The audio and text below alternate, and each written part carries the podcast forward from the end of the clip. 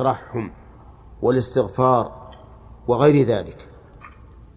فقلوبهم صافية مملوءة بالمحبة والتقدير ألسنتهم كذلك ممسكة عن كل سب وشتم وقدح ولعن وتكفير وغير ذلك.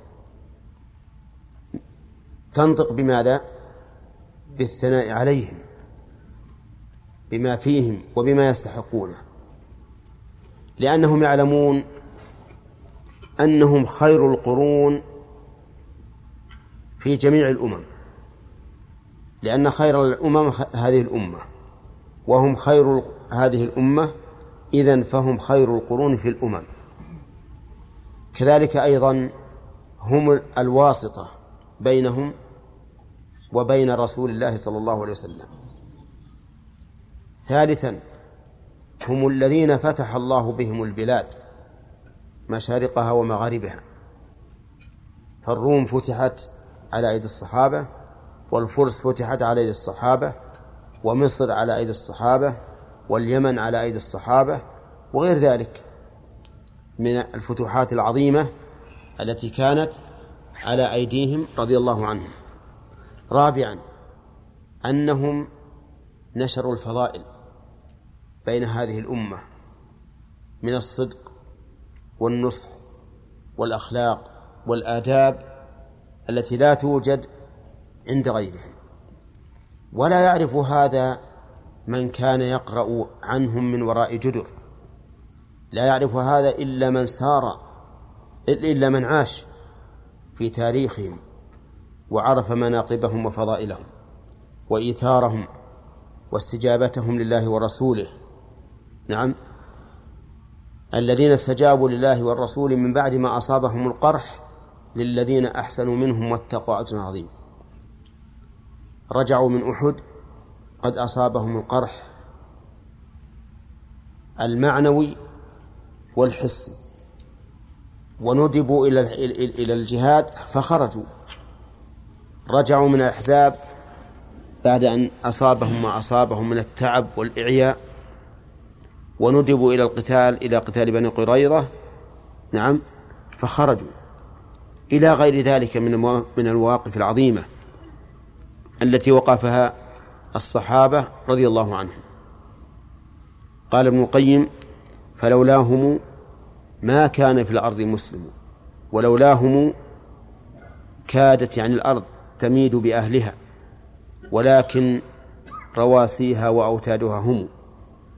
الصحابة وأثنى عليهم ثناء عظيما في في القصيدة الميمية وهي معروفة لابن القيم. المهم أننا نشهد الله عز وجل على محبة هؤلاء الصحابة ونثني عليهم بألسنتنا بما يستحقون. هذا هو أصول هذا من أصول أهل السنة والجماعة. القدح فيهم وبغضهم ليس بغضا لأشخاصهم في الواقع. لأن الإنسان لم يرى شخصهم حتى يبغضهم. الذين من بعد الصحابة ما رأوا أشخاصهم حتى يبغضوهم. ولكنه بغض وحقد لما لما كانوا عليه من الخير وما بثوه من العلم وما رووه عن رسول الله صلى الله عليه وسلم لكن يحبون بعضهم لا عن عقيدة وإخلاص ولكن لأجل إضلال الناس والتمويه حيث يقولون نحن نحب هؤلاء من الصحابة نحب آل النبي صلى الله عليه وسلم ونرى أنهم مظلومون وما أشبه ذلك. هذا ليس ليس عن قصد وحسن نية ولكن من أجل إضلال الناس ليتخذ الناس هؤلاء الأقارب من رسول الله صلى الله عليه وسلم أندادا مع الله. ولهذا قال عبد الله بن سبأ زعيمهم قال لعلي بن أبي طالب قال له أنت الله والعياذ بالله. فجعله ندا مع الله عز وجل. إذن نحن نتبرأ من طريق الروافض الذين يسبون الصحابة ونتبرأ من طريق ويغلون في آل البيت ومن طريق النواصب الذين يبغضون آل البيت. ونرى أن لآل البيت حقين حق الصحبة والإيمان وحق القرابة من رسول الله صلى الله عليه وسلم. إذن عندنا فيه أربعة أشياء. سلامة القلب من أي شيء ها؟ من البغض والكراهة والغل والحقد يقابله ملء القلب من إيه؟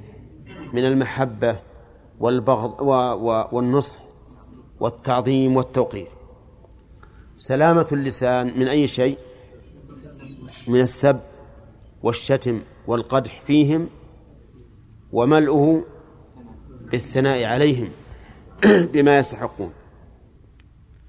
واعلم أن من سب الصحابة رضي الله عنهم فقد سب الرسول صلى الله عليه وسلم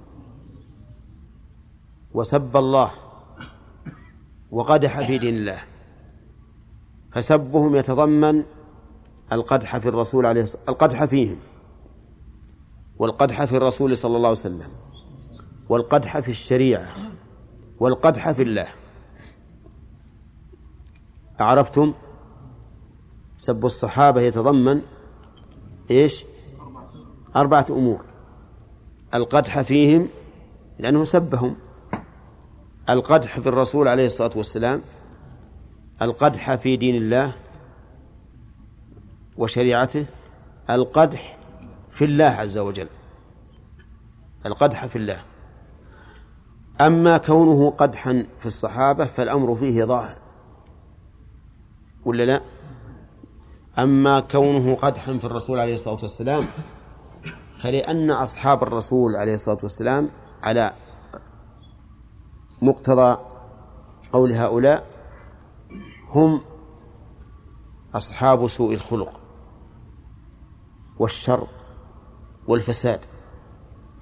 ومعلوم أن من كان أصحابه أصحاب السوء والشر والفساد فهو فهو مثلهم فهو مثلهم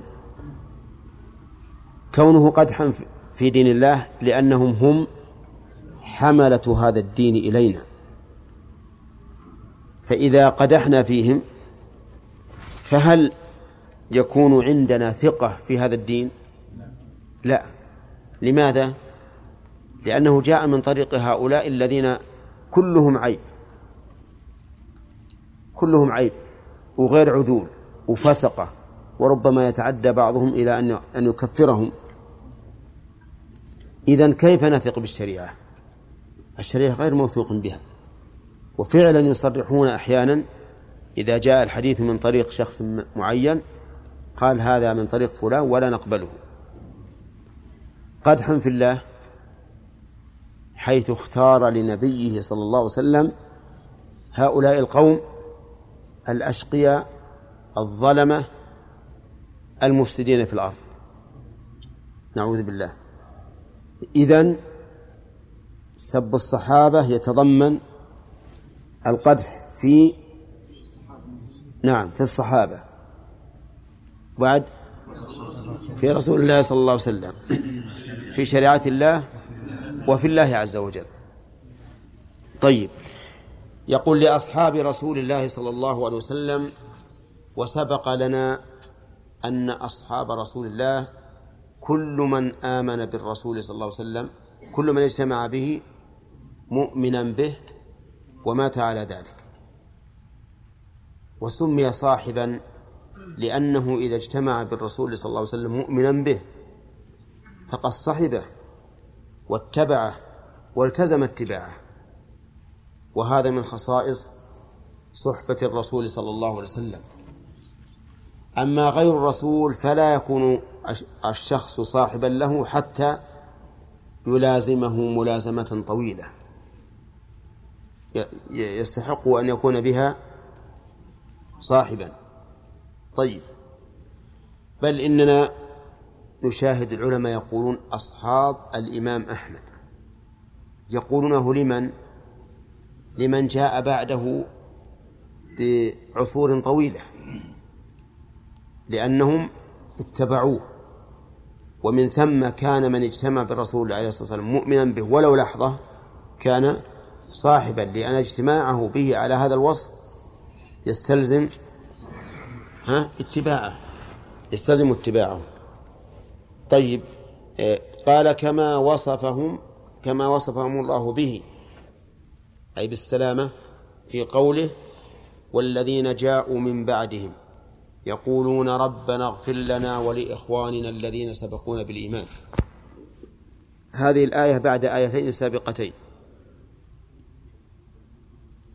أقرأهما للفقراء المهاجرين الذين أخرجوا من ديارهم وأموالهم يبتغون فضلا من الله ورضوانا وينصرون الله ورسوله. أولئك هم الصادقون.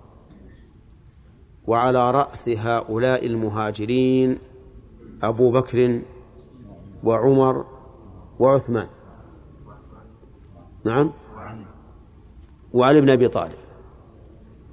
يقول خرجوا من ديارهم وأموالهم أخرجوا من ديارهم وأموالهم يبتغون فضلا من الله ورضوانا. هذا إخلاص النية.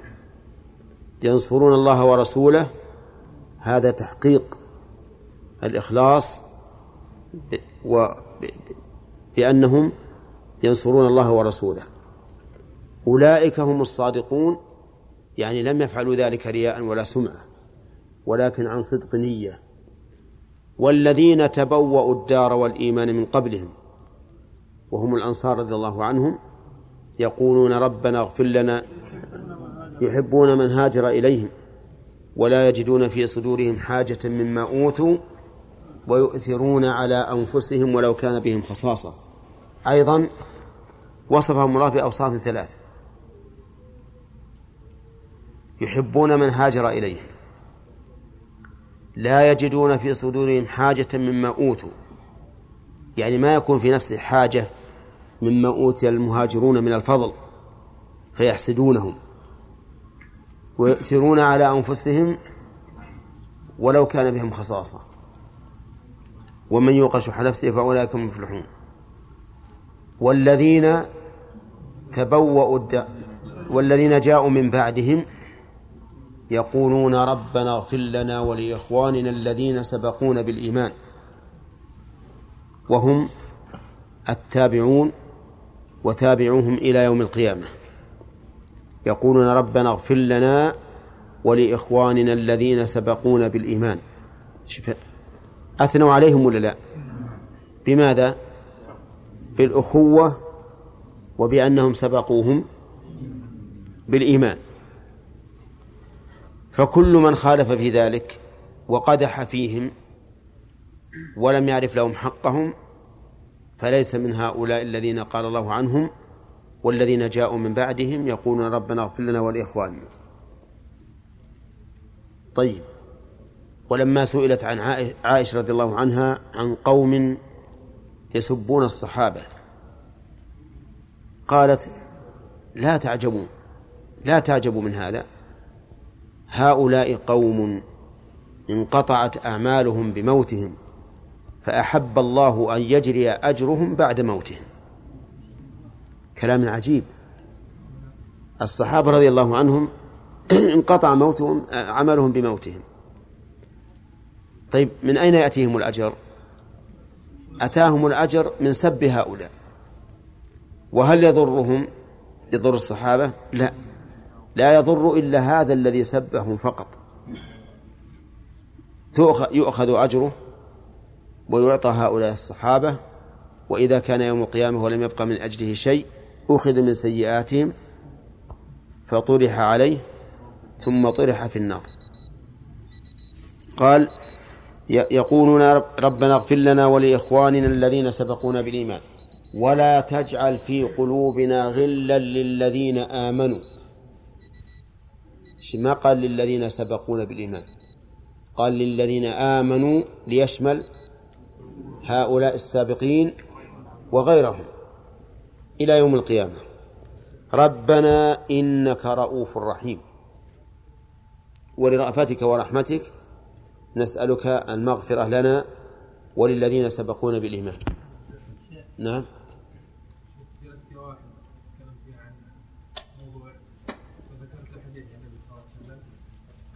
فقال لي يعني الم يكن في عهد النبي صلى الله عليه وسلم منافقين فاقريت يعني قالوا إحنا ما نعرف فوش دراك ان هذا احد الصحابه لا نحن منافقين لو جاء حديث نعم. أي نعم. نقول الأصل الأصل فيهم العدالة وعدم النفاق. والمنافقون أيضا معلومون. قال الله تعالى ولو نشاء لأريناكم فلعرفتم بسماهم ولتعرفنهم في لحن القول. وإن كان بعضهم يخفي إخفاء تاما ولا يدرى عنه لكنه لا بد أن يبين الله حاله.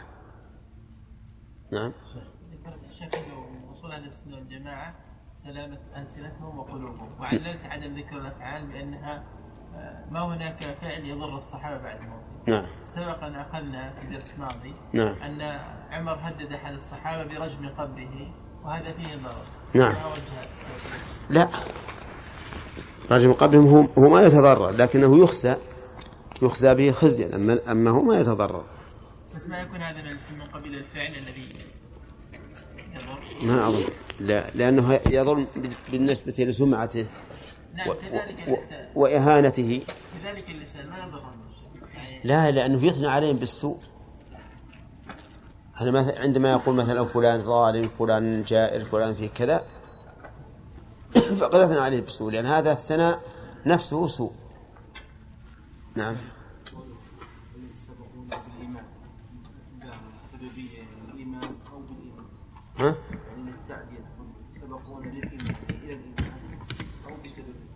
لا سب... نعم يصح. سبقون به. الظاهر سبقون به. نعم. يسبقون إلى الإيمان هذا المعنى. سبقون إليه. يعني بمعنى أنهم أسلموا قبلنا وآمنوا قبلنا.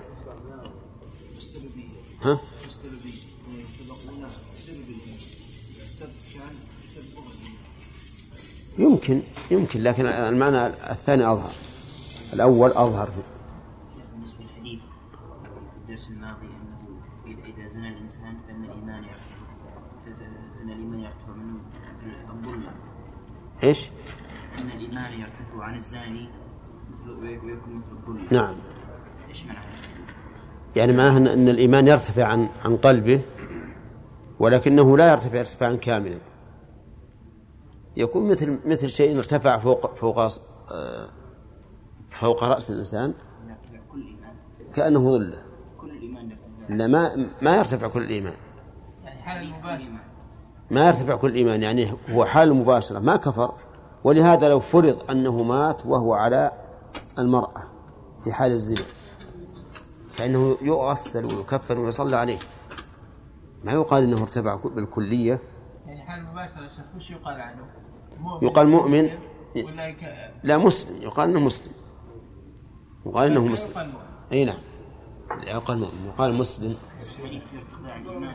نعم. الحديث عام في ارتفاع الإيمان إي لكن لكن كونك كالظلة معناه إنه بقي منه آثار. بقي منه آثار على القلب. لأن الظلة تظل الانسان تظل الانسان لكنها ما ما ما هي داخلة في الإنسان. ولهذا ما هنا أحد يقول مثلا لو يزني الزاني لو يموت الزاني وهو على المرأة المزني بها إنه يموت كافرا إلا على رأي الخوارج. والأهل السنة ما يقولون بهذا. نعم. الصحابة كفر ولا من سب الصحابة على سبيل العموم فهو كافر. بل قال شيخ الإسلام لا شك في كفر من شك في كفره. نعم. وش كيف يسبهم وهو يجهل؟ وشلون يجهل؟ ذكر واحد عند صحابي لا لا سب الصحابي المعين فيه تفصيل لكن سب الصحابة على سبيل العموم. قال هؤلاء قوم لا خير فيهم وما أشبه ذلك. فهذا كفر ما في شك الرسول يقول خير القرون قرني. وكيف نقول ما فيهم خير؟ وأنهم فسقة وأنهم ارتدوا إلا قليلا. نعم. ها فرق بين سب الصحابة والتابعين لأن الله شهد للصحابة بأنهم كلهم عدول كلا وعد الله الحسنى أما التابعون فلم يثبت لهم هذا الشيء نعم والإسلام واحد يقول له وبثرة دائما يقول ده مشدد وكذا يكره حتى يكون واحد هذا هل يؤثم بهذا؟ وش تقولون في هذا؟ ها؟ إيه يقول واحد يكره هذا الرجل اللي يجي المسجد ويرفع ثوبه ويعفي لحيته سده يكرهه. يقول هذا متشدد. هل يكفر أو لا يكفر؟ في تفصيل.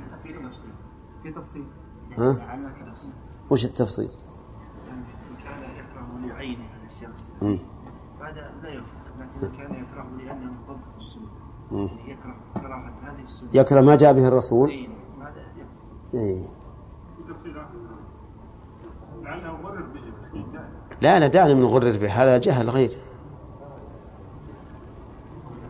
كان عالما بالتفصيل كافر إذا قيمت عليه الحجة أو إذا- إذا كان عالما وقد استهزأ وقد استهزأ فإنه يعتبر كافر هو أحيانا بعض الناس ما يكره العمل قد يكره الشخص نفسه كراهة شخصية. أما أما إذا كرهه لعمله في السنة وأن الذي حمله على كراهته أنه عمل بالسنة. فهذا مثل مثل ما فعل الكفار مع الرسول صلى الله عليه وسلم. كانوا كانوا يحبون الرسول لشخصه لكن لما جاءهم بالحق قالوا قالوا هذا سحر بالسنة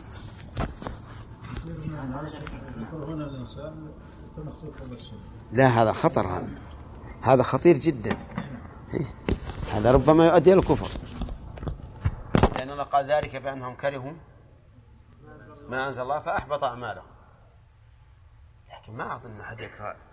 ي- ل- لأنه يمكن لو عمل بها ما يكره العمل بالسنة.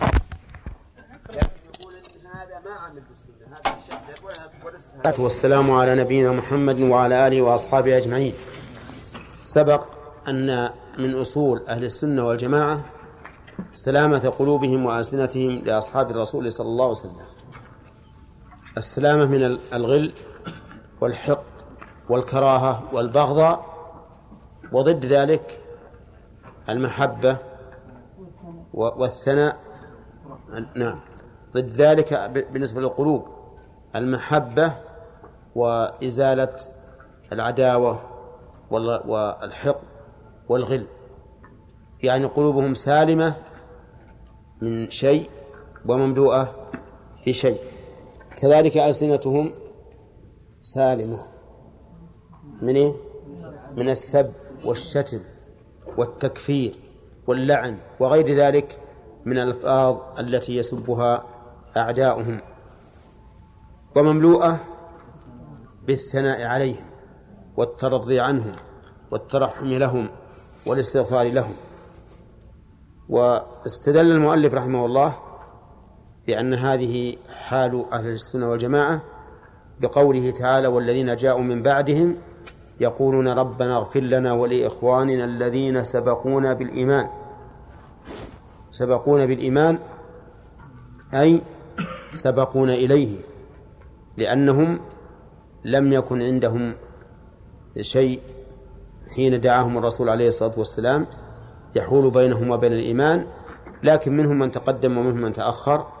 ثم هم أيضا سبقونا لأنهم كانوا في عهد النبوة. ولا تجعل في قلوبنا غلا للذين آمنوا أي حقدا للذين آمنوا سواء ممن سبق أو ممن خلف. ربنا إنك رؤوف رحيم أي ذو رحمة ذو رأفة ورحمة. والرأفة أشد الرحمة. وهي أخص من مطلق الرحمة. قال وطاعة النبي صلى الله عليه وسلم يعني ومن أصولهم طاعة النبي صلى الله عليه وسلم في قوله لا تسبوا أصحابي. السب هو القدح والعيب. فإن كان في غيبة الإنسان فهو غيبة يعني جامع بين الغيبة والسب. وقول أصحابي أي الذين صحبوه وصحبة النبي صلى الله عليه وسلم لا شك أنها تختلف. صحبة قديمة قبل الفتح وصحبة متأخرة بعد الفتح. والرسول عليه الصلاة والسلام كان يخاطب خالد بن الوليد حين حصل بينه وبين عبد الرحمن بن عوف ما حصل من المشاجرة. فقال النبي صلى الله عليه وسلم لخالد لا تسبوا أصحابي. فهو الذي بين يدي فهو الذي نفسي بيده إلى آخره. والعبرة بعموم بعموم اللفظ. ولا شك أن عبد الرحمن بن عوف وأمثاله أفضل من خالد بن الوليد رضي الله عنه من حيث سبقهم إلى الإسلام. لهذا قال لا تسبوا أصحابي يخاطب خالد بن الوليد وأمثاله. وإذا كان هذا بالنسبة لخالد بن الوليد وأمثاله فما بالك بالنسبة لمن بعدهم؟ إذا كان خالد بن الوليد منها أسب الصحابة فمن بعده؟ من باب أولى. ثم قال فوالذي نفسي بيده إلى آخره. أصحاب الرسول عليه الصلاة والسلام جمعوا بين الصحبة والأخوة فهم أصحابه وأخو وإخوانه. أما من يأتون بعده فهم إخوانه وليسوا أصحابه. ولهذا قال النبي عليه الصلاة والسلام ليت أن نرى إخواننا. قالوا يا رسول الله نحن إخوانك. قال أنتم أصحابي وإخواني قوم يأتون بي بعدي يؤمنون بي وهم لا لم يروني. عليه الصلاة والسلام ونسأله أن يجعلنا وإياكم منهم. اللهم آمين. قال لا تسبوا أصحابي فوالذي نفسي بيده أقسم عليه الصلاة والسلام وهو الصادق البار بدون قسم. أقسم تأكيدا لما للجملة لو أن أحدكم أنفق مثل أحد ذهبا ما بلغ مد أحدهم ولا نصيبه الله أكبر. مثل أحد ذهب. مثل أحد ذهبا وأحد جبل كبير عظيم معروف في المدينة. ما بلغ مد أحدهم المد ربع الصاع. ولا نصيف المد. يعني نصفه. منين؟ من الطعام ولا من الذهب؟ قال بعضهم من الطعام. لأن الذي يقدر بالمد والنصيف هو الطعام. أما الذهب فيوزن. وقال بعضهم من الذهب بقرينة الحال آه، بقرينة السياق لأنه قال لو أنفق مثل أحد ذهبا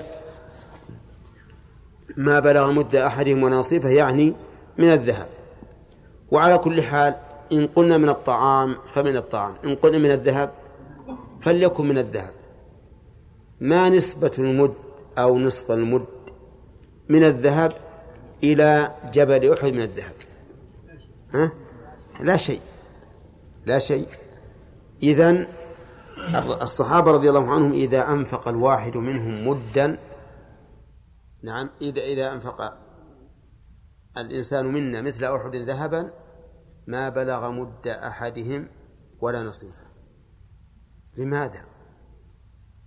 والإنفاق واحد والمنفق واحد. والمنفق عليه واحد والمنفق كلهم بشر. لكن هل يستوي البشر بعضهم مع بعض؟ أبدا. من البشر من هو حجر ومن البشر من هو مؤمن تقي. فهؤلاء الصحابة رضي الله عنهم لهم من الفضائل والمناقب والإخلاص والاتباع ما ليس لغيرهم فبإخلاصهم العظيم واتباعهم الشديد كانوا أفضل من غيرهم فيما ينفقون. طيب هذا النهي يقتضي إيش؟ يقتضي التحريم. بلا شك. فلا يحل لأحد أن أن يسب الصحابة على العموم ولا أن يسب واحدا منهم على الخصوص. فإن سبهم على العموم كان كافرا. فالذي يسب أصحاب النبي صلى الله عليه وسلم على العموم لا شك أنه كافر مرتد. بل كما قال شيخ الإسلام ابن تيمية لا شك في كفر من شك في كفره. نعم لأن هذا أمر عظيم. القدح الصحابة جميعا وس- وسبهم ليس بالأمر الهين. وهذا إذا سبهم على سبيل العموم. أما إذا سبهم على سبيل الخصوص فينظر قد يكون قد يسبهم من أجل أشياء خلقية أشياء خلق- خلقية أو خلقية أو دينية. خلقية بأن يقول إنه أعور أو أعرج أو ما أشبه ذلك. خلقية بأن يقول إنه جبان إنه سريع الغضب وما أشبه ذلك. دينية بأن يقول إنه ناقص في الدين كأن يقول إنه لا يصلي إنه والعياذ بالله زاني وما أشبه ذلك. نعم. فهذا لكل لكل حال حكم. هذا إذا كان السب متوجها إلى واحد.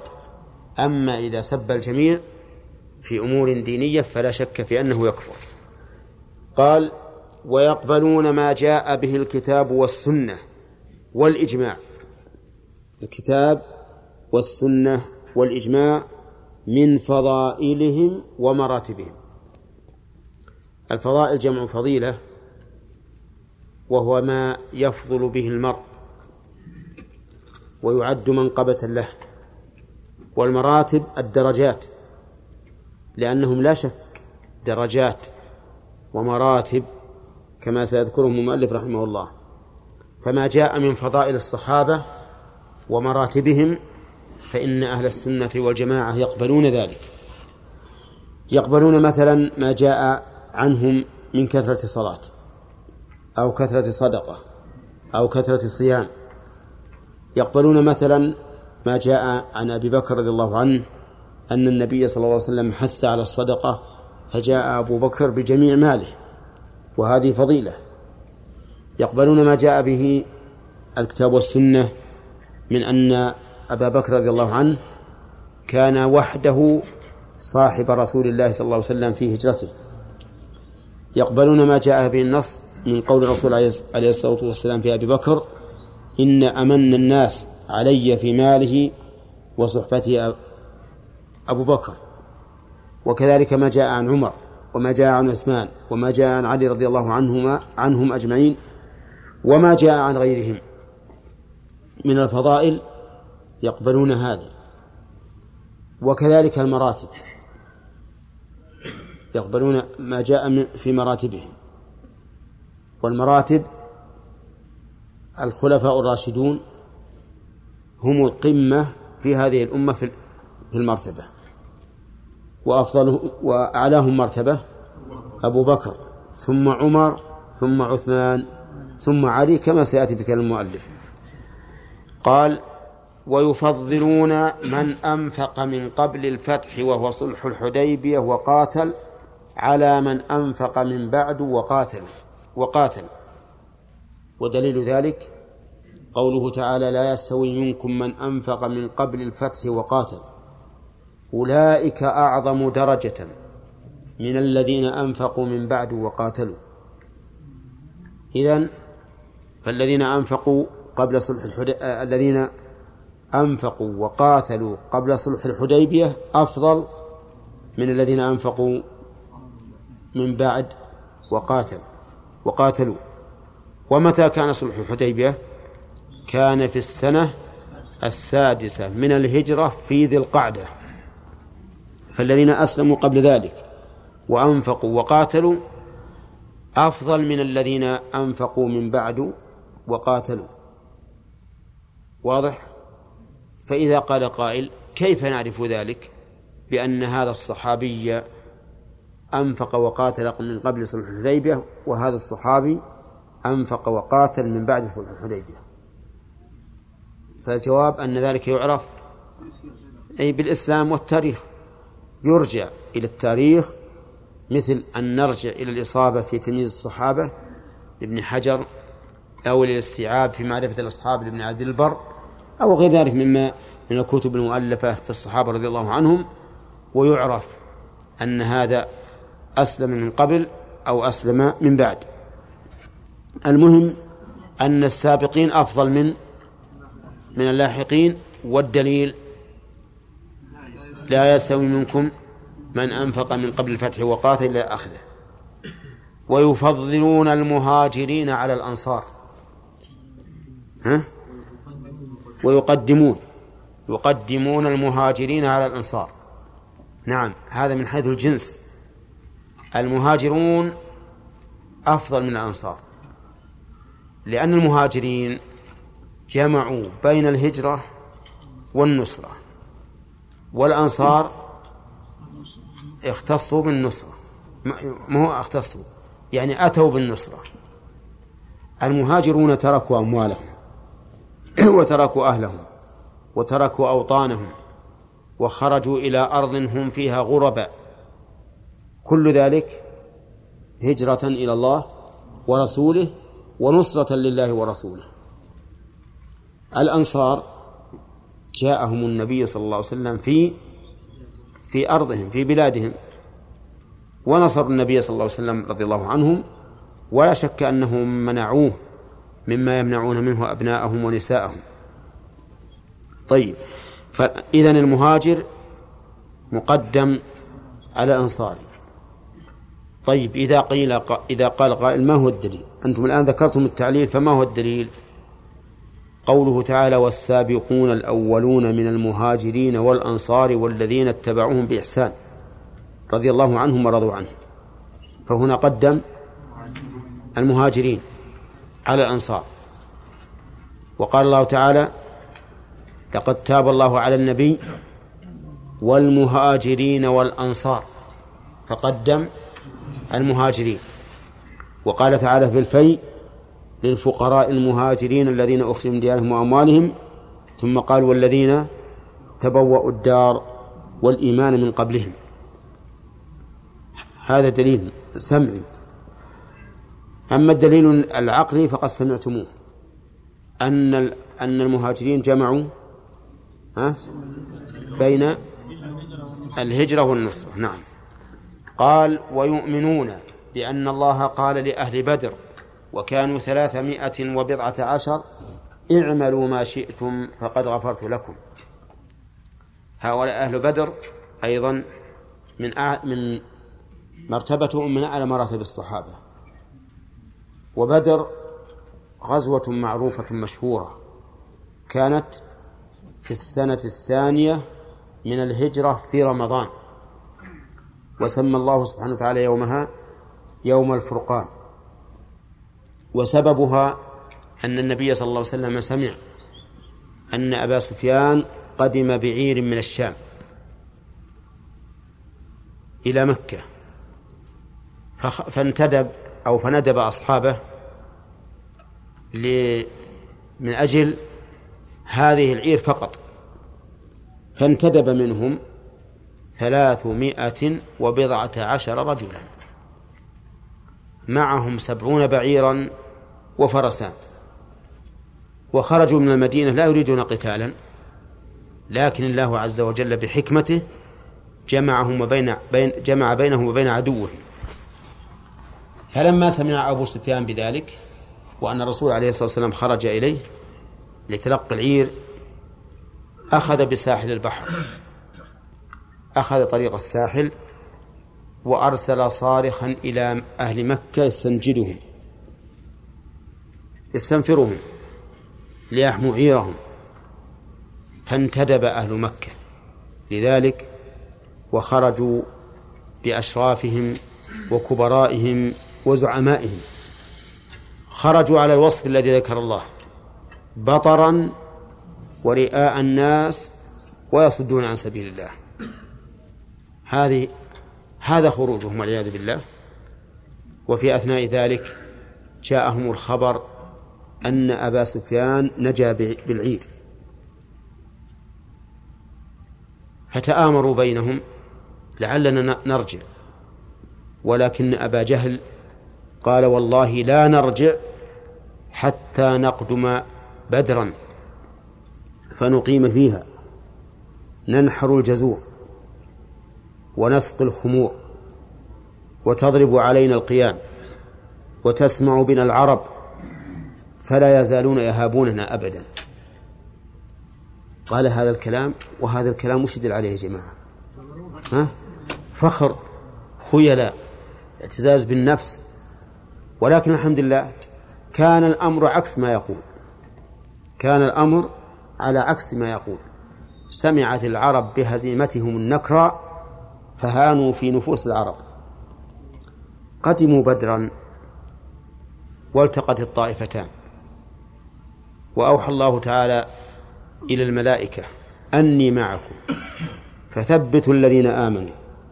سنلقي في قلوب الذين كفروا الرعب. فاضربوا فوق الأعناق واضربوا منهم كل بنان. اضربوا الخطاب إما للملائكة وإما للنبي صلى الله عليه وسلم وأصحابه. اضربوا فوق الأعناق واضربوا منهم كل بنان. ذلك بأنهم شاقوا الله ورسوله ومن يشاقق الله ورسوله فأن فإن الله شديد العقاب. ذلكم فذوقوه وأن للكافرين عذاب النار. حصل اللقاء بين الطائفتين وكانت ولله الحمد الهزيمة على المشركين والنصر المبين للمؤمنين. انتصروا وأسروا منهم سبعين رجلا وقتلوا سبعين رجلا. منهم أربع وعش أربعة وعشرون رجلا من كبرائهم وصناديدهم سحبوا فألقوا في قليب من قلوب بدر. خبيثة قبيحة. وهم شامات القوم وكبراؤهم وأشرافهم. ثم إن النبي صلى الله عليه وسلم بعد انتهاء الحرب ركب ناقته ووقف عليهم يدعوهم بأسمائهم وأسماء آبائهم. يا فلان بن فلان يا فلان بن فلان. هل وجدتم ما وعد ربكم حق ما وعد ربكم حقا؟ فإني وجدت ما وعدني ربي حقا. الله أكبر. فقالوا يا رسول الله ما تكلم من قوم جيفوا؟ كيف تكلم قوم صاروا جيفا؟ فقال ما أنتم بأسمع لما أقول منكم منهم ما أنتم بأسمع لما أقول منهم ولكن لا يجيبون. لماذا وقف الرسول عليه الصلاة والسلام عليهم؟ في هذه الحال وقف توبيخا وتقريعا وتنديما. وهم قد وجدوا ما وعد الله حقا. وش وجدوا؟ ذلكم فذوقوه وأن للكافرين عذاب النار. وجدوا النار والعياذ بالله. من حين ماتوا وجدوا النار. وعرفوا أن الرسول حق ولا لا؟ نعم علموا أن الرسول حق. ولكن أن لهم التناوش من مكان بعيد. هؤلاء القوم ثلاثمائة وبضعة عشر رجلا أهل بدر الذين جعل الله تعالى على أيديهم هذا النصر المبين هذا الفرقان الذي هاب العرب به رسول الله صلى الله عليه وسلم وأصحابه وكان لهم منزلة عظيمة بعد هذا النصر حتى إنه بدأ النفاق بعد غزوة بدر. بدأ الناس الذين هم الكفار يخفون كفرهم. كان لهم من الغفور الشكور عز وجل كان لهم هذه المنحة العظيمة. قال له اطلع الله عليهم إليهم وقال اعملوا ما شئتم. ما بعد هذه الحسنة الشيء. اعملوا ما شئتم فقد غفرت لكم. فكل ما يقع منكم من ذنوب فإنه مغفور لكم. بماذا؟ بسبب هذه الحسنة العظيمة الكبيرة التي جعلها الله تعالى على أيديكم. وفي هذا الحديث دليل على أن ما يقع منهم من الكبائر مهما عظم فهو مغفور لهم. وفيه بشارة بأنهم لا يمكن أن يموتوا على الكفر لأنه مغفور لهم. وهذا يقتضي أحد أمرين. إما أنهم لا يمكن أن يكفروا بعد ذلك أو يرتدوا على أدبارهم وإما أنه إن قدر أن أحد منهم كفر فسيوفق للتوبة والرجوع إلى الإسلام. وأيا كان ففيه بشارة عظيمة لهم. اعملوا ما شئتم فقد غفرت لكم. نعم. نعم طيب وش الله نقول الفتح الذي نعم. إي. آه نعم. آه الفتح. هو فتح الحد... هو صلح الحديبية لا شك. وسمى الله تعالى ذلك فتحا لأن الله تعالى فتح به مغلقا. فكانوا بالأول لا يأتي الكافر الكفار المسلمين ولا المسلمون يذهبون الكفار. وبعد هذا الصلح أمن الناس بعضهم بعضا. وانفتح الأمر بينهم وصار كل واحد منهم يأتي للآخر ودخل في بهذا الفتح ناس كثير من من من عباد الله. وهو أيضا صار مقدمة للفتح لأنه لولا هذا الصلح ما حصل الفتح. فإن هذا الصلح صار به خيانة قريش. وبخيانة قريش تمكن الرسول عليه الصلاة والسلام أن يغزوهم في مكة.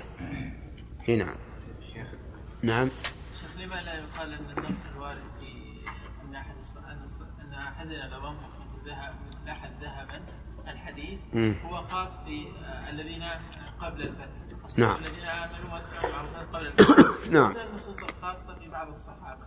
نعم. يمكن أن نجريها على باقي الصحابة. نعم. لكن العلماء يقولون العبرة بعموم اللفظ. نعم. وهو أصحابي. ولا صحيح. يمكن كلامك هذا وجيه. أن نقول المراد بهم المراد بهم المراد بهم السابقون من الصحابة. بخلاف اللاحقين لكن يقولون إن فضل الصحابة رضي الله عنهم على غيرهم كفضل من من كانوا قبل الفتح على على من بعدهم نعم إيش؟ بالفعل هدية الصحابة لا يمكن تكون بالفعل إما باللسان أو بالقلب إيه. لكن شوف بعض الطوائف يوجد كتابة هذه كتاب يفعلها بيده لا يكون هذا بيده له على كل حال قد يكون فيها أذية بالفعل لكن بس الأذية بالفعل ما يتأثر بها الصحابي بعد موته. ولكما قال الأخ خالد البارح يمكن أن يكون هناك أذية بالفعل. يمكن يتسلطون على بعض الصحابة يخ- يخرجونهم من من من القبور ويمثلون بهم. ما يعني ما يستبعد أن هذا يكون. لكن ما سمعنا بهذا. نعم.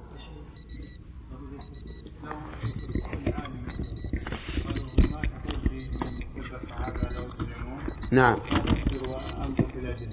نعم. ما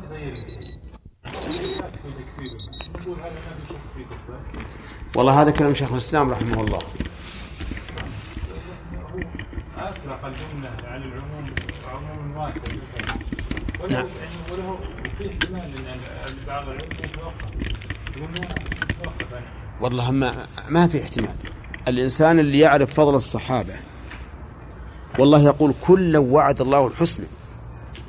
كيف يعدهم الله الحسنى؟ يصير كلهم مسبوبين. وهل هذا إلا تكذيب لما يقتضيه القرآن؟ عموم الصحابة يا شيخ يكون عام كلهم ولا مثلا أسبهم كلهم مثلا؟ لو كان إنسان يسبهم كلهم إلا أفراد خمسة مثلا أو ثلاثة أي. هذا. خطأ. فهل هذا يكون نعم يوجب الكفر لأنهم الآن يسبون من هو أفضل من هذا من هذا الاستثناء. يسبون من هو أفضل بإقرار هؤلاء الذين استثنوا. فإذا كونهم يستثنون هؤلاء ما هو إلا الإضلال لإضلال الناس ما هو حقيقة ما هو لأنهم صحابة. فيكون كفرا لو استثنى القيد نعم. قول الأخ أن الصحابة هي كل السابقين بدليل أن النبي صلى الله عليه وسلم قال لخالد وخالد آه، من اللاحقين وليس من السابقين. إيه نعم. قال لا تسبوا أصحابي. نعم. نقول على إن الصحابة اللاحقين لو أنفقوا مثل أحد ذهبا ما بلغوا مد أحدهم ولا نصيفه من السابقين. ونحن أيضا باعتبار الصحابة ما ما يبلغ مد أحد أحدهم ولا نصيفه. يعني هكذا بالنسبة للصحابة. اي نعم. السابقون بالنسبة للاحقين هكذا و... ونحن بالنسبة للصحابة هكذا. نعم. الصحابي على وجه الخصوص له ثلاث أحوال. نعم بس ما ذكرنا هل يكفر في اي حال من الاحوال هل دينيه أو خلقيه أو خلقيه لا أما مسألة الخلقية. و البدنية الجسمية هذه فهذه لا يكفر بها بلا شك أنه ما يكفر بها. لكن في مسألة الدينية يحتاج إلى ينظر في هذا الأمر. يقول تعريف الاصطلاحي للصحابة يعني على أساس؟ نعم مع أن الأصل اللغوي يخالف التعريف الاصطلاحي إي نعم. يقول لأن الإنسان الصحابي الذي الذي آمن بالرسول عليه الصلاة والسلام معناه أنه متبع له ملتزم لاتباعه. وكل من اتبع أحدا والتزم باتباعه فهو من صحابته. لأن كون- كونهم ينقادون ويؤمنون ويتبعون ويعتقدون أنفسهم أنهم أنهم تابعون لهذا الرسول عليه الصلاة والسلام هذا التابعين نعم.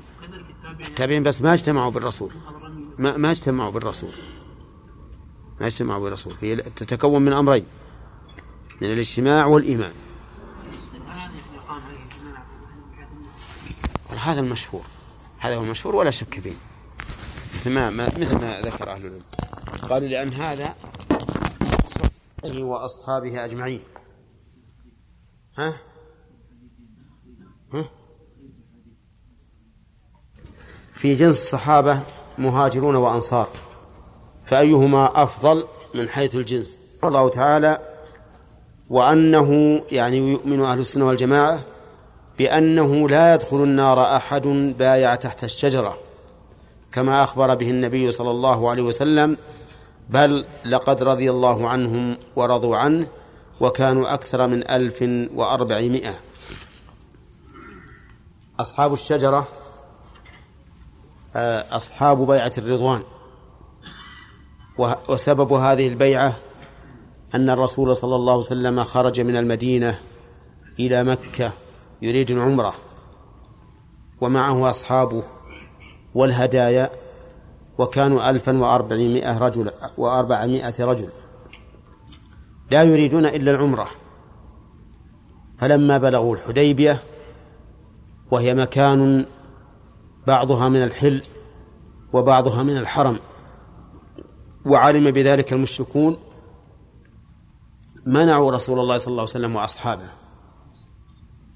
لأنهم يزعمون أنهم أهل البيت وحماة البيت وما كانوا أولياءه إن أولياؤه إلا المتقون.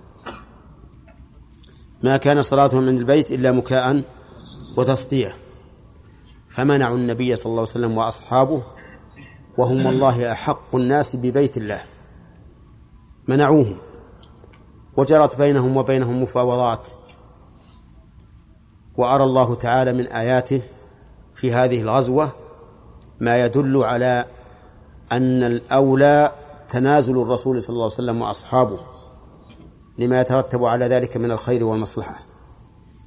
فإن ناقة الرسول عليه الصلاة والسلام إذا وجهها إلى مكة بركت وأبت أن تسير. حتى قالوا خلأت القصوى يعني حرنت وأبت المسير. فقال النبي صلى الله عليه وسلم مدافعا عنها والله ما خلعت. ما خلأت القصوى وما ذاك لها بخلق. يعني ما هي ما هي عادتها؟ ولا ولكن حبسها حابس الفيل. الفيل الذي حبسه الله عز وجل أن يقدم إلى مكة. ليهدم به و- وقومه الكعبة. ثم قال والذي نفسي بيده لا يسألوني خطة يعظمون فيها حرمات الله إلا أجبتهم عليها. جرى التفاوض وأرسل النبي صلى الله عليه وسلم عثمان بن عفان لأن له رهطا في مكة يحمونه. أرسله إلى أهل مكة يفا- يفاوضهم فشاع الخبر بأن عثمان قد قتل. وكبر ذلك على المسلمين. فدعا النبي صلى الله عليه وسلم إلى البيعة. يبايع أصحابه على أن يقاتلوا أهل مكة. الذين قتلوا رسول رسول الله صلى الله عليه وسلم وكانت الرسل لا تقتل.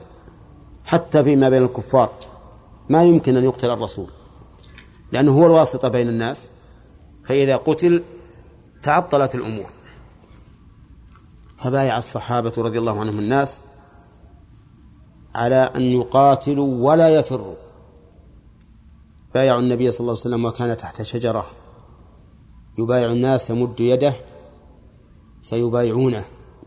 على هذه البيعة المباركة التي قال الله عنها إن الذين يبايعونك إنما يبايعون الله يد الله فوق أيديهم. وكان عثمان رضي الله عنه غائبا فبايع النبي صلى الله عليه وسلم بيده عن يد عثمان. وقال هذه يد عثمان وأمسك بيده. فكانت يد النبي صلى الله عليه وسلم لعثمان خيرا من يد عثمان لعثمان لأن رجلا بايع عنه الرسول عليه الصلاة والسلام بيده الكريمة هذا من أفضل من يكون من أفضل ما يكون من المراتب. في في في النهاية تبين أن عثمان لم يقتل.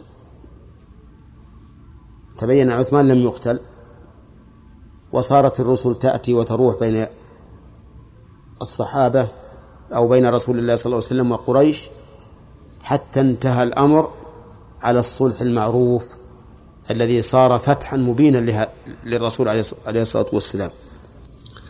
هؤلاء الذين بايعوا قال الله عنهم لقد رضي الله عن المؤمنين إذ يبايعونك تحت الشجرة فعلم ما في قلوبهم من الإيمان والصدق والإخلاص فأنزل السكينة عليهم واطمأنوا بهذه البيعة التي بايعوا عليها رسول الله صلى الله عليه وسلم ألا يفروا إلى الموت.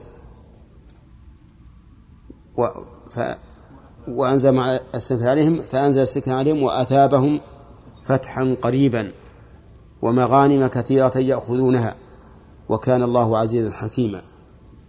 وذلك في غزوة خيبر التي كانت بعد ذلك. المهم أن الرسول أن أن الله قال لقد رضي الله عن المؤمنين إذ يبايعونك تحت الشجرة فعلم ما في قلوبهم. وكان من جملة المبايعين أبو بكر وعمر. عثمان بايع عنه رسول الله صلى الله عليه وسلم. وعلي بن أبي طالب من جملة المبايعين. كلهم بايعوا. فوصفهم الله بالإيمان عن المؤمنين إذ يبايعونك تحت الشجرة. وهذه شهادة من الله عز وجل بأن كل من بايع تحت الشجرة فهو مؤمن مرضي عنه. والنبي عليه الصلاة والسلام قال لا يدخل النار أحد بايع تحت الشجرة. لا يدخل النار. وهذا نفي. فالرضا ثبت بالقرآن. وانتفاء دخول النار ثبت بالسنة. وقوله عليه الصلاة والسلام لا يدخل النار أحد بايع تحت الشجرة. قد يقول قائل كيف نجمع بينه وبين قوله تعالى وإن منكم إلا واردها كان على ربك حتما مقضيا فالجمع من أحد وجهين. الأول أن يقال إن إن المفسرين اختلفوا. في المراد بالورود. فقيل فقال بعضهم هو المرور على الصراط. فإن هذا نوع ورود بلا شك. لأن الذي يمر على الشيء قد ورده كما في قوله تعالى ولما ورد ماء مدين وجد عليه أمة من الناس يسقون ومعلوم أنه أنه لم ينزل في وسط الماء. بل كان حوله وقريبا منه. ومن العلماء من يقول من المفسرين من يقول المراد بالورود الدخول وأنه ما من إنسان إلا ويدخل النار.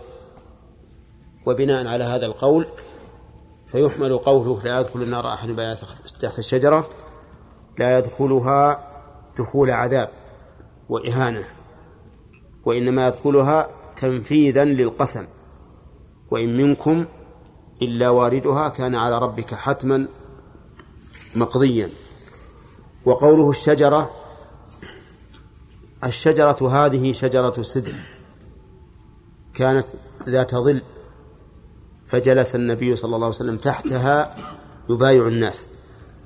وكانت موجودة في عهد الرسول عليه الصلاة والسلام وعهد أبي بكر رضي الله عنه وعهد وأول خلافة عمر. فلما قيل له إن الناس يختلفون إليها يعني يأتونها أمر رضي الله عنه بقطعها وإخفائها.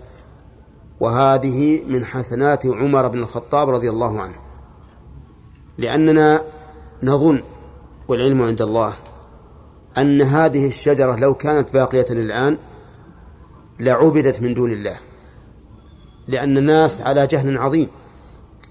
ونحن نراهم الآن يقدسون أشجارا وقبورا دون تلك الشجرة. فكيف لو كانت هذه الشجرة موجودة؟ كان كل واحد يقول للثاني تعال أنا أبايعك على كتاب الله وسنة رسوله قول الشجرة لأجل إذا بايعتك تحت الشجرة ها؟ يرضى الله عني فبايعني وأبايعك. ويجعل كل واحد منهم رسول رسولا. يجعل نفسه رسولا يبايع تحت الشجرة ليرضى عنه وعمن بايعه. طيب لكن الحمد لله هذه من حسنات عمر بن الخطاب رضي الله عنه وجزاه عن أمة محمد خيرا. قال وكانوا أكثر من ألف وأربعمائة. وقصة الحديبية في الواقع إذا قرأ الإنسان التاريخ يجد فيها آيات كثيرة من آيات الله. هي وغزوة تبوك. فيها آيات في مسير الرسول عليه الصلاة والسلام إليهما ورجوعه منهما. فمن أحب أن يزداد فليرجع إلى ذلك إليهما. قال المؤلف ويشهدون بالجنة لمن شهد له رسول الله صلى الله عليه وسلم كالعشرة. يشهدون أي الصحابة أي أهل السنة والجماعة يشهدون بالجنة لمن شهد له الرسول صلى الله عليه وسلم بالجنة. والشهادة بالجنة نوعان. شهادة معلقة بوصف وشهادة معلقة بعين. أما المعلق بالوصف فأن نشهد لكل مؤمن أنه في الجنة. نحن نشهد أن جميع المؤمنين في الجنة. كذا؟ بدون تفصيل. وكل المتقين في الجنة. بدون تفصيل. وهذه شهادة عامة. يجب علينا أن نشهد بذلك وجوبا. لماذا؟ لأن الله تعالى أخبر به. فقال تعالى إن الذين آمنوا وعملوا الصالحات أولئك هم خير البرية جزاؤهم عند ربهم جنات عدن. وقال وسارعوا إلى مغفرة من ربكم وجنة عرضها السماوات والأرض أعدت للمتقين. هذه يجب علينا أن نشهد بها لأنها لأن الشهادة بذلك تصديق لماذا؟ للقرآن. أما الشهادة الأخرى الشهادة الخاصة لشخص معين فلا يجوز أن نشهد لكل مؤمن بعينه أنه من أهل الجنة إلا من شهد له الرسول صلى الله عليه وسلم. ما نشهد لشخص معين أنه من أهل الجنة إلا من شهد له الرسول صلى الله عليه وسلم سواء شهد لشخص معين واحد أو لأشخاص معينين على سبيل العموم. مثال ذلك يقول كالعشرة. العشرة المبشرون بالجنة خصوا أو لقبوا بهذا الاسم لأن النبي صلى الله عليه وسلم جمعهم في حديث واحد وهم الخلفاء الأربعة أبو بكر وعمر وعثمان وعلي وسعيد بن زيد وسعد بن أبي وقاص وعبد الرحمن بن عوف وطلحة بن عبيد الله والزبير بن عوام و... نعم وأبو عبيدة عامر بن الجراح. وقد جمع الستة الزائدون على الخلفاء الأربعة في بيت. قيل فيه سعيد وسعد وابن عوف وطلحة وعامر فهر والزبير الممدح.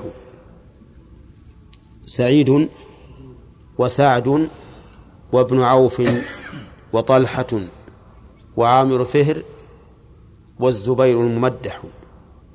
هؤلاء الستة أضفهم إلى الخلفاء الأربعة يكونون عشرة. هؤلاء بشرهم النبي عليه الصلاة والسلام في نسق واحد. فقال أبو بكر في الجنة وعمر في الجنة إلى آخره. ولهذا لقبوا بهذا اللقب العشرة. طيب يجب أن نشهد أنهم في الجنة؟ نعم يجب أن نشهد لشهادة الرسول صلى الله عليه وسلم بذلك وشهادتنا به إخبار تصديق لما شهد لما أخبر به الرسول عليه الصلاة والسلام. طيب قال وغير وثابت بن قيس بن شماس ثابت بن قيس بن شماس رضي الله عنه أحد خطباء النبي صلى الله عليه وسلم. كان جهوري الصوت جهوري الصوت. فلما نزل قوله تعالى يا أيها الذين آمنوا لا ترفعوا أصواتكم فوق صوت النبي ولا تجهروا له بالقول كجهر بعضكم لبعض أن تحبط أعمالكم وأنتم لا تشعرون. خاف أن يكون حبط عمله وهو لا يشعر. الله أكبر. من كان بالله أخوف من كان بالله أعرف كان منه أخوف. خاف. قال لأنه جهوري الصوت يتكلم ويرفع صوته. فاختفى في بيته ففقده النبي عليه الصلاة والسلام. فبعث إليه رجل يسأله عن اختفائه فقال إن الله أنزل قوله يا أيها الذين آمنوا لا ترفعوا أصواتكم فوق صوت النبي ولا تجروا له بالقول كجهر بعضكم لبعض أن تحبط أعمالكم وأنتم لا تشعرون وأخاف أن يكون حبط عملي وأنا لا أشعر. فقال الرسول عليه الصلاة والسلام للرسول ارجع إليه. وقل له لا إنك تعيش حميدا وتقتل شهيدا وتدخل الجنة. فبشره النبي صلى الله عليه وسلم بالجنة. شوف يعني نتيجة الخوف من الله. شوف النتيجة نتيجتها الأمن. كلما خفت خفت من ربك ولجأت إليه وتضرعت إليه فأبشر بالأمن. الثلاثة الذين خلفوا وش صار نتيجتهم؟ بعد هجر الناس لهم. وأن وهم وأن وبلغوا إلى أن لا يرد عليهم السلام. كانت النتيجة أن الناس كلهم يذكرونهم. كل الناس يذكرونهم إلى يوم القيامة. وأين يذكرونهم؟ في المساجد والصلوات. فيهم كتاب يتلى إلى يوم القيامة. فانظر ما عاقبة الإخلاص لله عز وجل والفرار إلى الله؟ كيف تكون العاقبة حميدة للإنسان في الدنيا والآخرة؟ من يصدق أن هؤلاء ثلاثة يذكرون على المنابر وفي المحاريب وفي الخلوات وفي الصلوات ويتقرب إلى الله تعالى بالثناء عليهم؟ كل حرف تقرأه من الآيات التي نزل فيهم نزلت فيهم فيها عشر حسنات. يعني لو قال لك قائل إذا أثنيت على الملك أعطيتك أعطيتك على كل حرف درهما. نعم. متى تثني على الملك؟ ها؟ كل النهار تثني عليه. ولا لا؟ هؤلاء إذا أثنيت عليهم بما أنزل الله في القرآن كل حرف فيه عشر حسنات. هذه ثمرة جيدة. ثمرتها ذلك الأمر الذي نزل في قلوبهم. حتى إذا ضاقت عليهم الأرض بما رحبت وضاقت عليهم أنفسهم وظنوا أن لا ملجأ من الله إلا إليه ثم تاب عليهم ليتوبوا. ثابت بن قيس رضي الله عنه خاف أن يحبط عمله وهو لا يشعر. خاف. فاختفى في بيته فكان الثمن ما هو؟ ثلاثة أشياء. يعيش حميدا ويقتل شهيدا ويدخل الجنة. يعني لا يمكن لا يحلم بها أصلا أن يقع له واحد منها ولكن وقعت له كلها. فعاش حميدا رضي الله عنه وقتل شهيدا في اليمامة ونشهد أنه سيدخل الجنة. يلا من فضلك أنه من أهل الجنة. في جنة عالية لا تسمع فيها لاغية فيها عين جارية فيها سرر مرفوعة وأكواب موضوعة ونمارق مصفوفة وزرابي مبثوثة نشهد بذلك. طيب.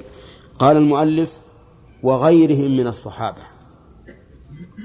عشرة ثابت بن قيس أحد عشر وغيرهم من الصحابة مثل خديجة رضي الله عنها الذي قال جبريل إن إن الله يبشرها ببيت في الجنة من قصب لا صخب فيه ولا نصب ومنهم أمهات المؤمنين كل أمهات المؤمنين في الجنة لأنهن في درجة الرسول صلى الله عليه وسلم ومنهم بلال ومنهم عبد الله بن سلام ومنهم عكاشة بن محصن ومنهم سعد بن معاذ رضي الله عنه. المهم ليت أن أحدكم ينتدب فيحصي هؤلاء. هي رسالة؟ إذا أنت حقق كذا؟ كيفك؟ ابحث عن الرسالة ولا ابحث في الكتب. لك لك إلى دور الليل إن شاء الله. الليلة السبت الليلة الأحد. لك إلى دور الليلة. نعم. ها؟ إن شاء الله. كيف فيه درس؟ نعم. ما هو وجه الشبه بين الإبل الذي حبس و بين إيش؟ الإبل. آه، القصوى ناقة الرسول صلى الله عليه وسلم. نعم. لما حبست وقال حبسها حابس الفيل نعم. ما هو وجه الشبه؟ مع إنه القصدين يختلفان. اولئك يعني الرسول صلى الله عليه وسلم يعظم شعائر الله واولئك يريدون هدم خاف أن تنتهك الشعائر إذا جرى قتال بينه وبين المشركين. خاف لو دخل عنه وكذا والمشركون أخذتهم حمية الجاهلية حصل قتال. إي نعم. سدر نعم. هي هذه قصة حنين. نعم. وجاء أصحاب السمر اي أي نعم نعم. المؤرخون ذكروا هنا أنها شجره سدر أنها سدر ولعل السمر إنه إنه فيه نوع يطلق عليه اسم السدر ما أدري والله. على كل حال ح- ح- تحقق إن شاء الله هذه. بعد ثانيا نعم. إن السدر ما له يعني ظل مثل السمر السمر يصير لها ساق ولها ظل أما المؤرخ من الغالب انها أما المؤرخون ذكروا هنا انها أنها من السدر ولا ولا الشوك نعم. الطلح. يعني. لا الطلح غير. الطلح له شوك. السدر حق النبي اي ذكر شيخ الاسلام انه يستدل أقول يستدل يعني المسلم بالجنه باثاره كيف؟ أقول ذكر شيخ الاسلام انه يشهد لرجل يدخل الجنة باثار العمل باثاره وعمله يعني على ذلك سيأتينا إن شاء الله بعد ما نخلص أن بعض العلماء يقول أن من أجمعت الأمة على الثناء عليه فإنه يشهد له بالجنة. كالأئمة الأربعة مثلا. وغيرهم. الآن مثل شيخ الإسلام نحن ما نشهد ما نستطيع نشهد لكننا لكننا نرجو له رجاء يعني بالغا في أنه من أهل الجنة نعم إيش؟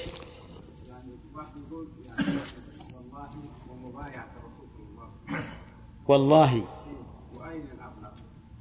كيف؟ بايعة ولا حليفة يعني واحد يعني يقول يعني ما أخالف هذا الأمر وما يبايع يمين قسم يعني يبايعك واحد يبايعك مبايعة؟ لا الرسول صلى الله عليه وسلم بايع الرسول صلى الله عليه وسلم الشجرة وإذا واحد يعني يكون حلف بس حليف حلف. ما سامح الرسول صلى الله عليه وسلم وسامح.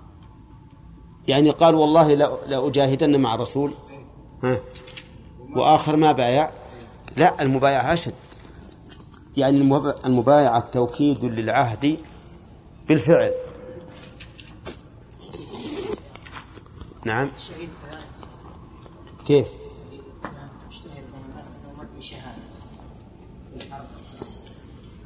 لا ما يلزم به. ما يلزم. لكن يقال يرجى له أو يقال من قتل لتكون كلمة الله لله فهو سبيل الله لأنك تعرف قد تكون نيته خلاف ما, ما يظهر للناس من يقاتل حمية أو شجاعة. ولهذا بوب البخاري رحمه الله في الصحيح على هذا فقال باب لا يقال فلان شهيد. نعم. نعم. إلا ما شهد له الرسول الرسول قال لأحد أثبت أحد فإنما عليك نبي وصديق وشهيدان. نعم إذا كان مثل رجل تقي أنا شاهد أفعال أنا أقول يعني هذا أفعال تدخل الجنة يعني أشهد أن أفعال هذا مثل الإنسان. إيه. نعم. لا. لا ما ما أقول أن مثل هذه الأفعال تدخل الجنة. أن مثل هذه الأفعال تدخل الجنة. لا تدخله هو. أي نعم. لا بأس. الشهادة بالأفعال بأنها توجب دخول الجنة ما في بأس.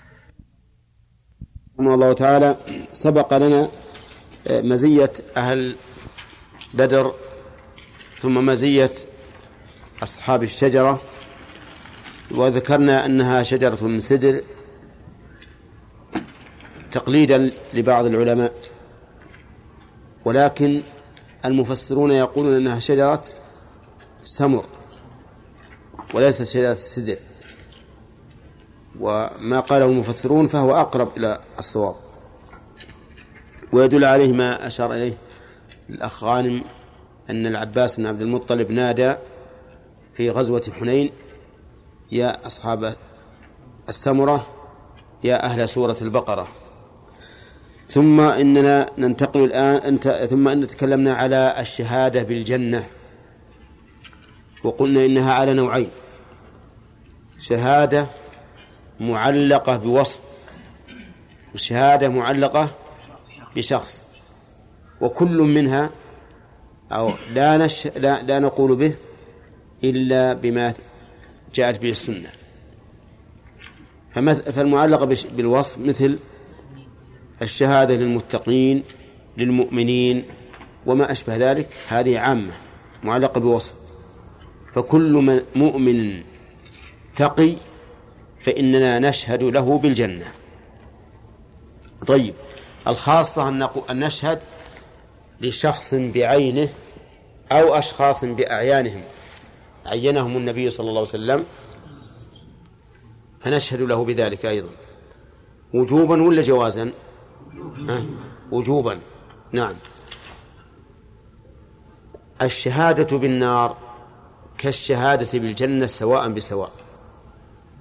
ففيها عموم وفيها خصوص. فنشهد بالجنة بالنار على سبيل العموم لكل. لكل كافر. واتقوا النار التي أعدت للكافرين.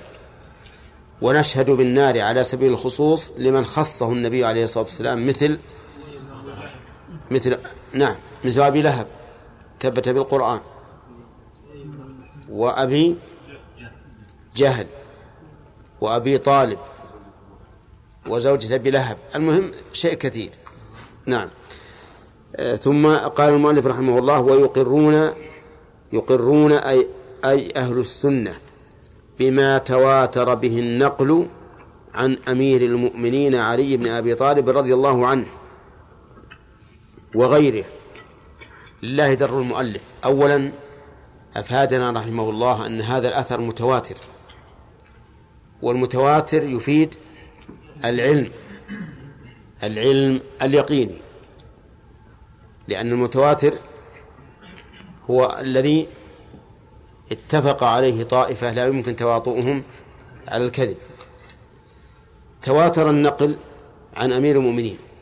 الأمر الثاني أنه قال عن أمير المؤمنين علي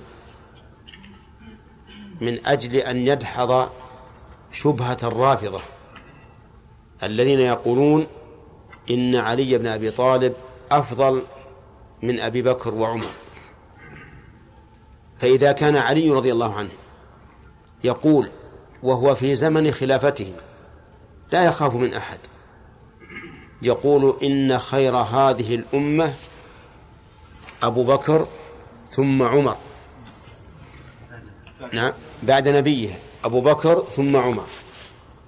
إذا كان يقول هذا وهو في خلافته لا يخشى أحدا حتى يقال إن هذا من باب التقية بل هو يقوله وهو في كامل الحرية في القول.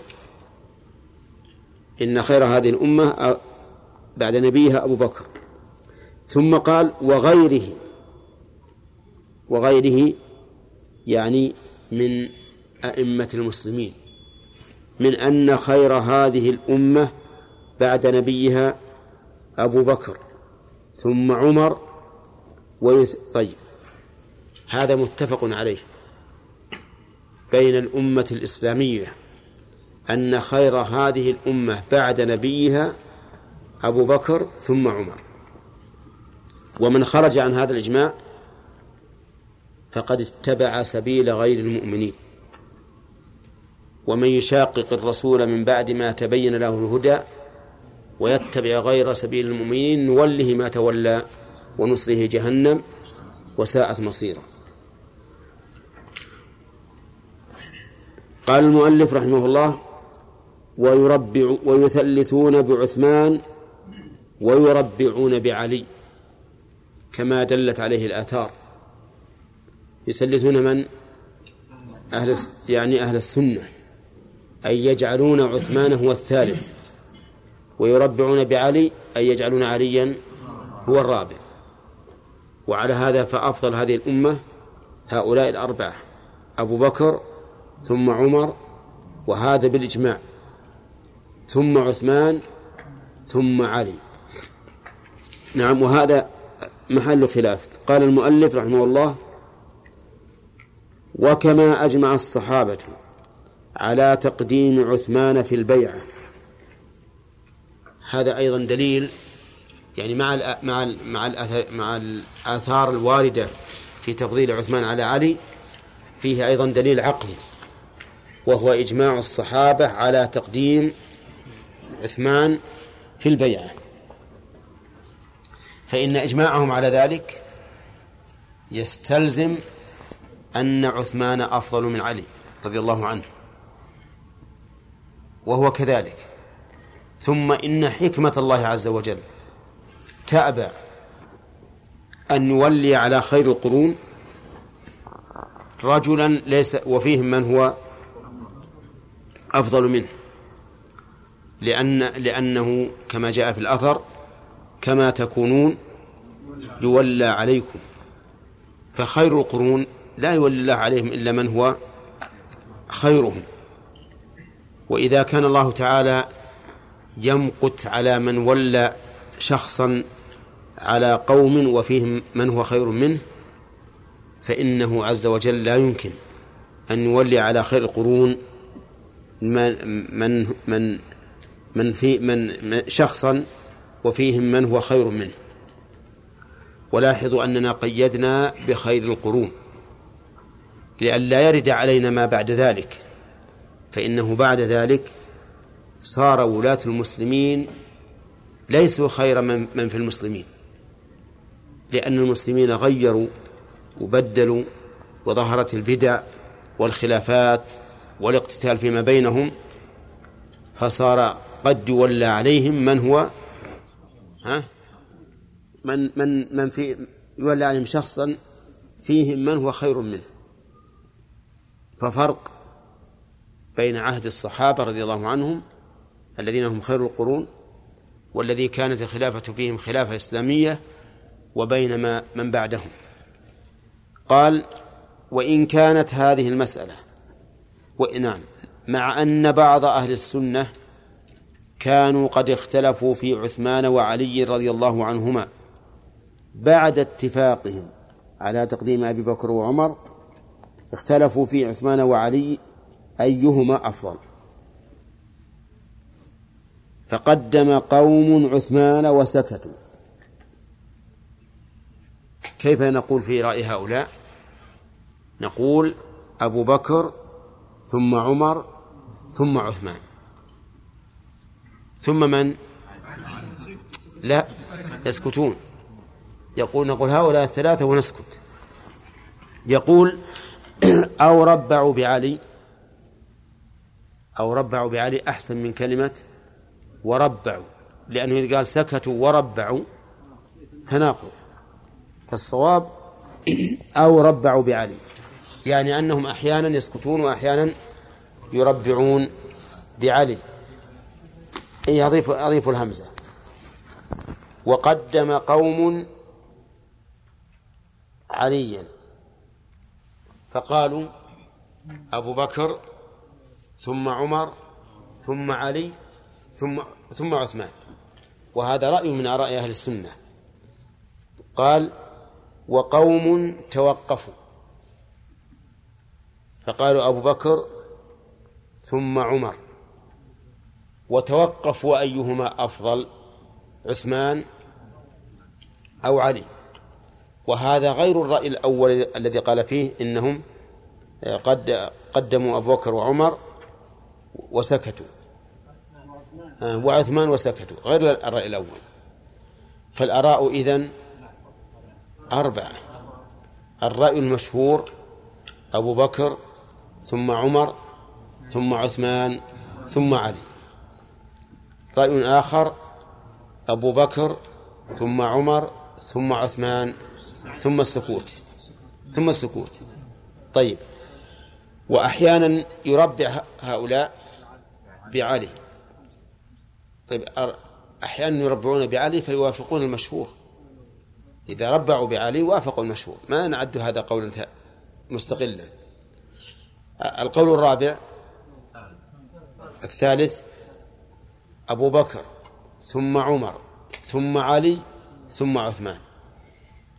القول الرابع أبو بكر ثم عمر ثم نتوقف أيهما أفضل عثمان أو علي. وهنا هذا فرق بين بين الذين يقدمون أبو بكر ثم عمر ثم عثمان ويسكتون لأن هؤلاء يقولون لا نقول علي أفضل ولا عثمان أفضل. ولكننا لا نرى أن أحدا يتقدم على عثمان وعلي. في الفضيلة بعد أبي بكر وعمر. فهذه أقوال أربعة لأهل السنة لكن قال المؤلف لكن استقر أمر أهل السنة على تقديم عثمان ثم علي. هذا الذي استقر عليه أمر أهل السنة. فقالوا أفضل هذه الأمة بعد بعد نبيها أبو بكر ثم عمر ثم عثمان ثم علي. طيب.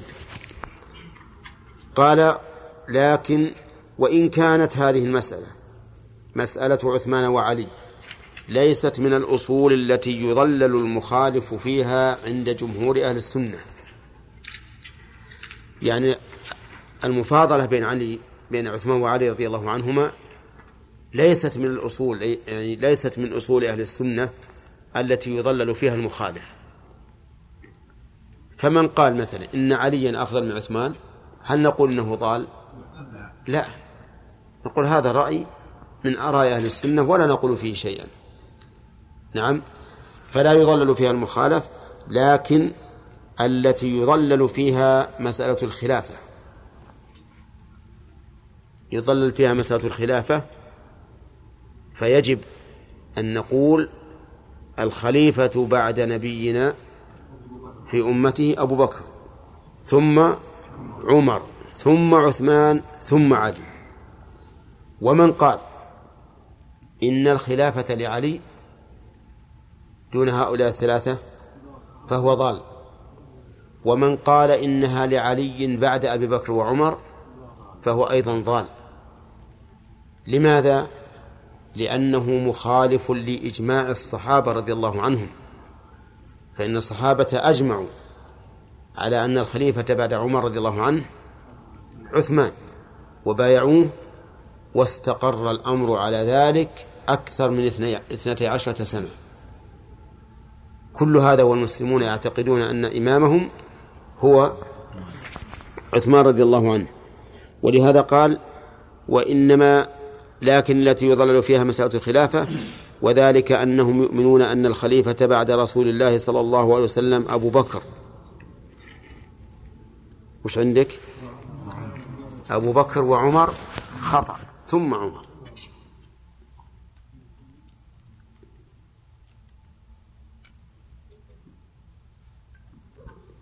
اكتب اكتب مثل ما قلنا. أبو بكر ثم عمر ثم عثمان ثم علي. هذا ما ما أجمع عليه المسلمون في مسألة الخلافة أهل السنة. قال ومن طعن في خلافة أحد من هؤلاء فهو أضل من حمار أهله. اللي يطعن في خلافة أحد من هؤلاء ويقول إنه لا يستحق الخلافة فهو أضل من حمار أهله. عبر المؤلف بهذا التعبير لأنه تعبير الإمام أحمد رحمه الله. قال من طعن في خلافة أحد من هؤلاء فهو أضل من حمار أهله. ولا شك أنه أضل من حمار أهله. وإنما ذكر الحمار لأنه أبلد الحيوانات. أبلد الحيوانات على الإطلاق الحمار. ومن ثم قال لي بعض علمائنا المعاصرين إنه أدل الحيوانات. نعم. أدل بالدال. إنه هدل بسرعة. فقلت له لماذا؟ قال لأنه ما لأنه بليد. ما عنده تفكير يضيع دلالته. والدلالة تعتمد الحس. ولهذا إذا كنت تفكر تمشي بالسوق وأنت هكذا. نعم؟ ما تدري وش اللي مر بك بالسوق ولا وش اللي أمامك ولا شيء. لكن الحمار بليد ما يضيع لأن ما عنده التفكير. لكن هذا على كل حال قد يكون يوافق عليه وقد لا يوافق. إنما المعروف أن أهدى شيء وأدله. لا. القطع. القطع ولهذا يضرب المثل بها. فيقال فلان ها؟ قطات. قطات يعني دليلة. نعم. وقال من يهجو بني تميم تميم بطرق اللؤم أهدى من القطع. ولو سلكت طرق المكارم ظلتي نعم. والشاعر يقول ما, ما شاء. نعم. على كل حال نحن نقول إن آه، قال أضل من حمار أهله لأن الحمار بليد فهو أقل الحيوانات فهما وإلا فكيف يمكن أن نطعن في خلافة هؤلاء الخلفاء وقد أجمع عليها الصحابة؟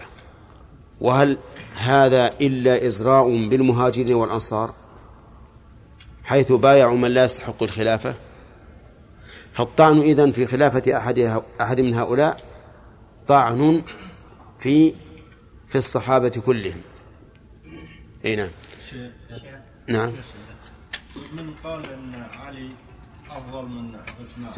نعم. قال أن في التشيع. لا. لا ما يقال. ما دام هذا رأي لأهل السنة والجماعة ما يقال فيه ما نقول أنه لا. أبدا. ما لأن التشيع المنحرف ما ما يكون من أقوال أهل السنة والجماعة. لكن الذين قالوا إن عليا أفضل أخذوا أحاديث واردة في هذا تدل على فضله. لكن يجب أن نعلم أن من اختص بمزية من الفضل لا يقتضي أن يكون له الفضل المطلق. فالفضل فضلان. فضل مطلق وفضل مقيد. فإذا قال الرسول عليه الصلاة والسلام لأعطين الراية غدا رجلا يحب الله ورسوله ويحب الله ورسوله. والصحابة كلهم موجودون. فأعطاها علي بن أبي طالب. هل نقول إنه بهذه المزية صار أفضل من كل الصحابة الموجودين؟ لا. تميز بهذه المزية ثم قال الرسول إنه يحب الله ورسوله ونحن نعلم أن كل الصحابة يحبون الله ورسوله ويحبهم الله ورسوله لما خلفه في غزوة تبوك وقال يا رسول الله تذهب تجاهد وتجعلني في. في. في الولدان وتخلفني في, في الأهل فقال له أما ترضى أن تكون مني بمنزلة هارون من موسى غير أنه لا نبي بعدي هذه مزية ما حصلت له لا لأبي بكر ولا لغيره لكن هل هذه المزية الخاصة تقتضي أن يكون أفضل الصحابة؟ لا. كما أننا نشاهد أيضا فيما بيننا الآن تجد مثلا هذا رجل رجلا يكون له مزية في العبادة. عابد يجعل الله على يديه خيرا كثيرا من شفاء المرضى أو ما أشبه ذلك. وتجد غيره آخرين لهم فضائل أخرى متعددة يفضلونه على سبيل الإطلاق فهل نقول إنه إذا فضلهم في هذا يكون أفضل منهم في كل شيء؟ أبدا. كذلك بعض الناس يجري الله على يديه كرامات. فهل نقول إن هذا الذي أجرى الله عليه هذه الكرامة يكون أفضل من غيره مطلقا؟ أيام الصبر اللي العام فيها أجر خمسين من الصحابة هل نقول إن هذا يقتضي أن نكون أفضل من الصحابة مطلقا؟ لا. وعلى هذا فقس.